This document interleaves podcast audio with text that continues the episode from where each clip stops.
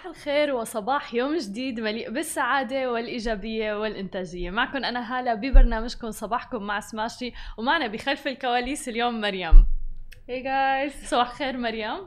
صباح النور يا هلا عاملة إيه؟ والله تمام. أنت كيفك؟ طمنيني عنك. استني عشان إيه واقعة خالص فأعلي من نفسي. علي علي الحمد لله انت عاملة إيه؟ الحمد لله. كيف كان العيد معك؟ كنتي شغالة بالعيد يعطيكي ألف عافية يا الله رب يعافيكي آه اليوم مخبيين لهم أخبار كتير. رح نحكي أكيد عن آه فلسطين وال social media واللي عم بيصير بالمحتوى المتعلق بفلسطين وال social media.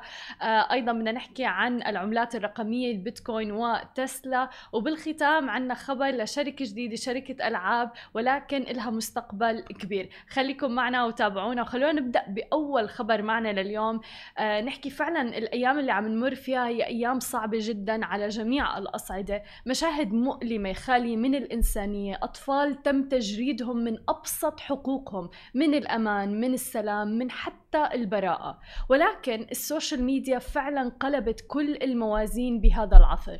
يعني عنا شباب عنا شابات من فلسطين عم بغطوا على أرض الواقع تغطية إعلامية فعليا فاقت تغطيات قنوات كبيرة جدا.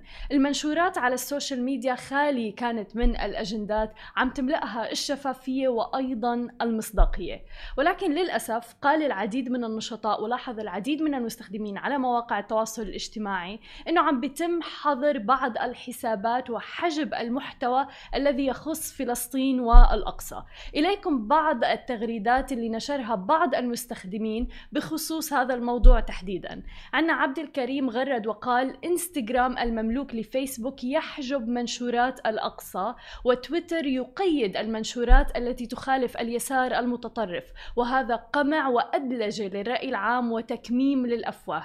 يجب أن نمتلك منصات تواصل عربية لا يتحكم بها جهات معادية. وأيضا خالد غرد استمرار قمع حريات التعبير من هذه التطبيقات ومواصلة عمليات انتهاك الحريات وآخرها تطبيق إنستغرام وحجبه لوسم الأقصى. وعلاوة على ذلك يحجب جميع الحسابات التي تتحدث عن الأقصى أو القدس. وأيضا مستخدم آخر لمياء غردت أنه إنستغرام يحجب صور من فلسطين بداعي السنسيتيفيتي أو حساسية المحتوى ولما أفتحها بنص عيني ألقاها عادية الميديا وما أدراك ما الميديا. لذلك قام بعض المستخدمين بالتحايل على خوارزميات وال algorithm ال social media بحيث يمكنكم نشر محتوى عادي من حياتكم اليومية بين كل post و post أو كل story و story ويمكنكم بدال كتابة كلمة فلسطين مثلا أو الأقصى اللي مثل ما بنكتبها بالعادة ضعوا إشارة نجمة بين الأحرف.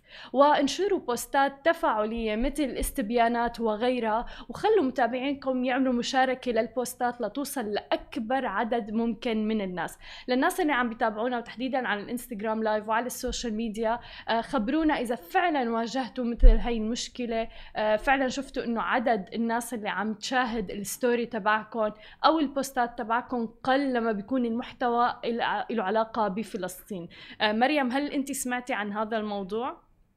أنا الحقيقة مريت بيه شخصيا. آه والله. آه خبرينا أكثر كل كل البوستات اللي بشير يعني أنا مثلا ممكن بوستات تبقى مثلا 60 أنا عامة بوصل فوق ال 200 فمثلا 60 مش عارفة إيه كذا وبعدين فجأة 3 فيوز عم تمزحي واول مرة أول مرة I tagged Instagram to shame them about this. ف- لأربع ساعات يعني أول مرة عملت لهم tag عشان أواجههم بالموضوع ده. أربع ساعات مت- متتالية مفيش أي views على أي of my stories. أي story ليا.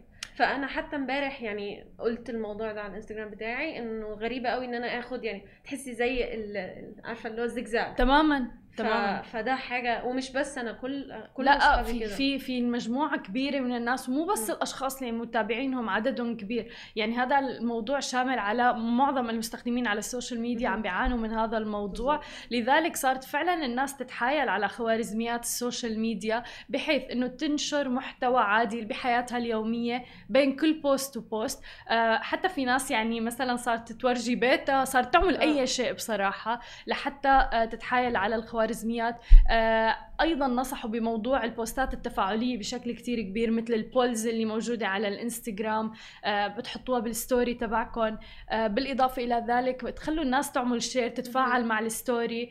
أيضا المحتوى إنه مثلا كاتبين كلمة فلسطين كاتبين كلمة الأقصى ما تكتبوها مثل ما بتكتبوها بالعادي سواء كان بال English أو بالعربي. حطوا نجمة مثلا بين الحرف الناس عم تستخدم هاي الطريقة. أيضا من الأمور اللي تم التنبيه عليها إنه صعب آه، الصورة والفيديو كتير سهل إنه يلقطها الخوارزميات آه. الإنستغرام تحديدا. ولكن الصوت مثلا أقل.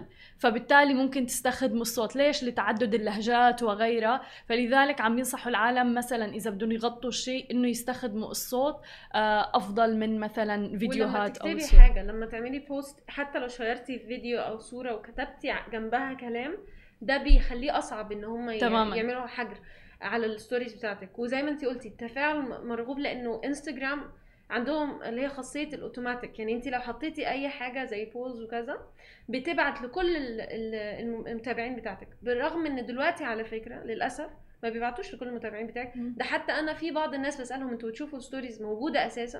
بيقولوا لا مش موجودة. ما عاد عم تظهر يعني. آه للأسف. تماما هذا اللي عم بيصير وهذا اللي عم ننتبه عليه بهذا الموضوع. آه لذلك مثل ما قلنا تفاعلوا مع البوستات انشروها.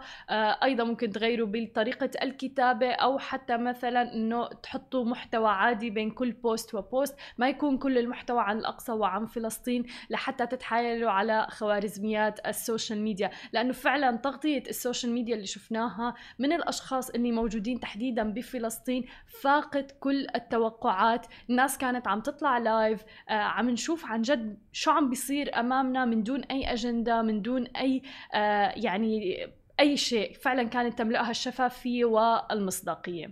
خلونا ننتقل لثاني خبر معنا لليوم. اليوم حابين نخبرهم عن لعبة جديدة آه، مريم. آه، يمكن الناس ممكن تستهين بلعبة هي بتشبه لعبة الليجو كانت عم تخبرني مريم. آه، اللعبة اسمها روبلوكس. هي بأشكال شخصياتها مسطحة وقد يذكرك اسمها مثل ما ذكرنا بنسخة. ممكن قد تكون أرخص مقلدة مثلا من لعبة الليجو ولكن هذه اللعبة اللعبة. هي شركة لمنصة ألعاب إلكترونية وصلت قيمتها في سوق الأسهم 35 مليار دولار. لدى هذه الشركة نموذج عمل مميز جدا حيث أنها لم تتبع النهج التقليدي لشركات الألعاب الإلكترونية اللي عم تصرف الملايين لتطوير ونشر الألعاب. بل عم تعتمد هذه الشركة على جيش السبعة مليون مستخدم ليتنافسوا هم لصنع الألعاب.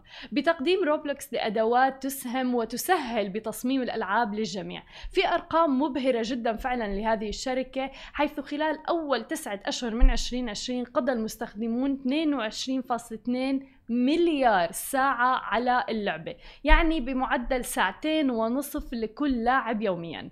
وعندما أصدرت روبلوكس أول أرباحها الربعية يوم أمس تجاوزت التوقعات في الدخل مع ارتفاع نمو المستخدمين ب 79% مثل ما عم نشوف اللعبة إلها مستقبل باهر. عم بيستخدموا اللعبة صغار في السن 67% من اللاعبين. أعمارهم تتراوح ما بين 17 سنة وثلثاء الأطفال الأمريكيين بين بين 9 و 12 سنة عم بيلعبوا هذه اللعبة. وهدف الشركة الأساسي أنه تنمو مع جمهورها في السنوات القادمة بتطوير ما يتناسب مع أبناء العشرينيات ليستمر اهتمام المستخدمين عبر الزمن. أيضا تنمية خدمات الاشتراكات وأيضا التعاونات والشراكات مع علامات تجارية مرموقة ودخول المستخدمين إلى سوق العمل. مثل ما عم نشوف يعني إذا بدنا نعطيكم الصورة الأكبر عن هذه اللعبة عوالم الألعاب مع اقتصاداتها في تطور متسارع. آه، روبلوكس أثبتت إنه هذا الاقتصاد يمكن تطبيقه حتى على فئات أصغر عمرا حتى ولو كانوا أكثر ميلا في السابق للألعاب البسيطة. والجميل بهذا الموضوع انه المستخدمين عم بيساهم ب آه، المستخدمين عم بيساهموا بشكل كتير كبير بإنه يصمموا هذه اللعبة على غير شركات الألعاب الإلكترونية الأخرى. خلونا ننتقل لآخر خبر معنا لليوم ونحكي أكيد عن العملات الرقمية والرئيس التنفيذي لشركة تسلا إيلون ماسك اللي قال في تغريدة إنه شركته علقت بيع السيارات مقابل عملة البيتكوين بسبب مخاوف من تغير المناخ وتراجعت عملة البيتكوين بأكثر من 10% بعد التغريدة بينما انخفضت أيضا أسهم تسلا بشكل كبير جدا. وقوبل اعلان تسلا في مارس آذار الماضي عن قبولها العملة مشفرة باحتجاج من بعض دعاة حماية البيئة وأيضا المستثمرين. وكشفت شركة صناعة السيارات الكهربائية في فبراير شباط أنها اشترت كمية من أكبر عملة رقمية في العالم طبعا البيتكوين بما قيمته 1.5 مليار دولار. ولكن تراجعت يوم الخميس تحديدا عن تصريحاتها السابقة. وأضاف إيلون ماسك على تويتر أنه العملات المشفرة فكرة جيدة على مستويات عدة ونعتقد بأن لديها مستقبلا واعدا ولكن لا يمكن هذا أن يأتي على حساب البيئة. وقال إيلون ماسك أنه تسلا ستحتفظ بممتلكاتها من البيتكوين مع خطط لاستخدام العملة المشفرة بمجرد أن ينتقل إنتاجها إلى مصادر طاقة أكثر استدامة. ومن المرجح يرجح إنه يتم استخدام عملة أخرى لا تؤثر على البيئة. مثلا مثل عملة دوتش كوين اللي أثرها على البيئة أقل بكثير من البيتكوين وأيضا تعتبر هذه العملة أسرع من حيث التحويلات من بين العملات الأخرى. ولكن أيضا في عملات أخرى مرجح أيضا إنه يتم استخدامها في شركة تسلا حتى غير الدوتش كوين اللي هي أكثر استدامة من عملة البيتكوين. هذه كانت كل أخبارنا الصباحية لليوم. ما تنسوا تتابعونا على كل مواقع التواصل الاجتماعي الخاصه الخاصه بسماشي تي في تسمعوا البودكاست تبعنا وتنزلوا ال application نهاركم سعيد جميعا.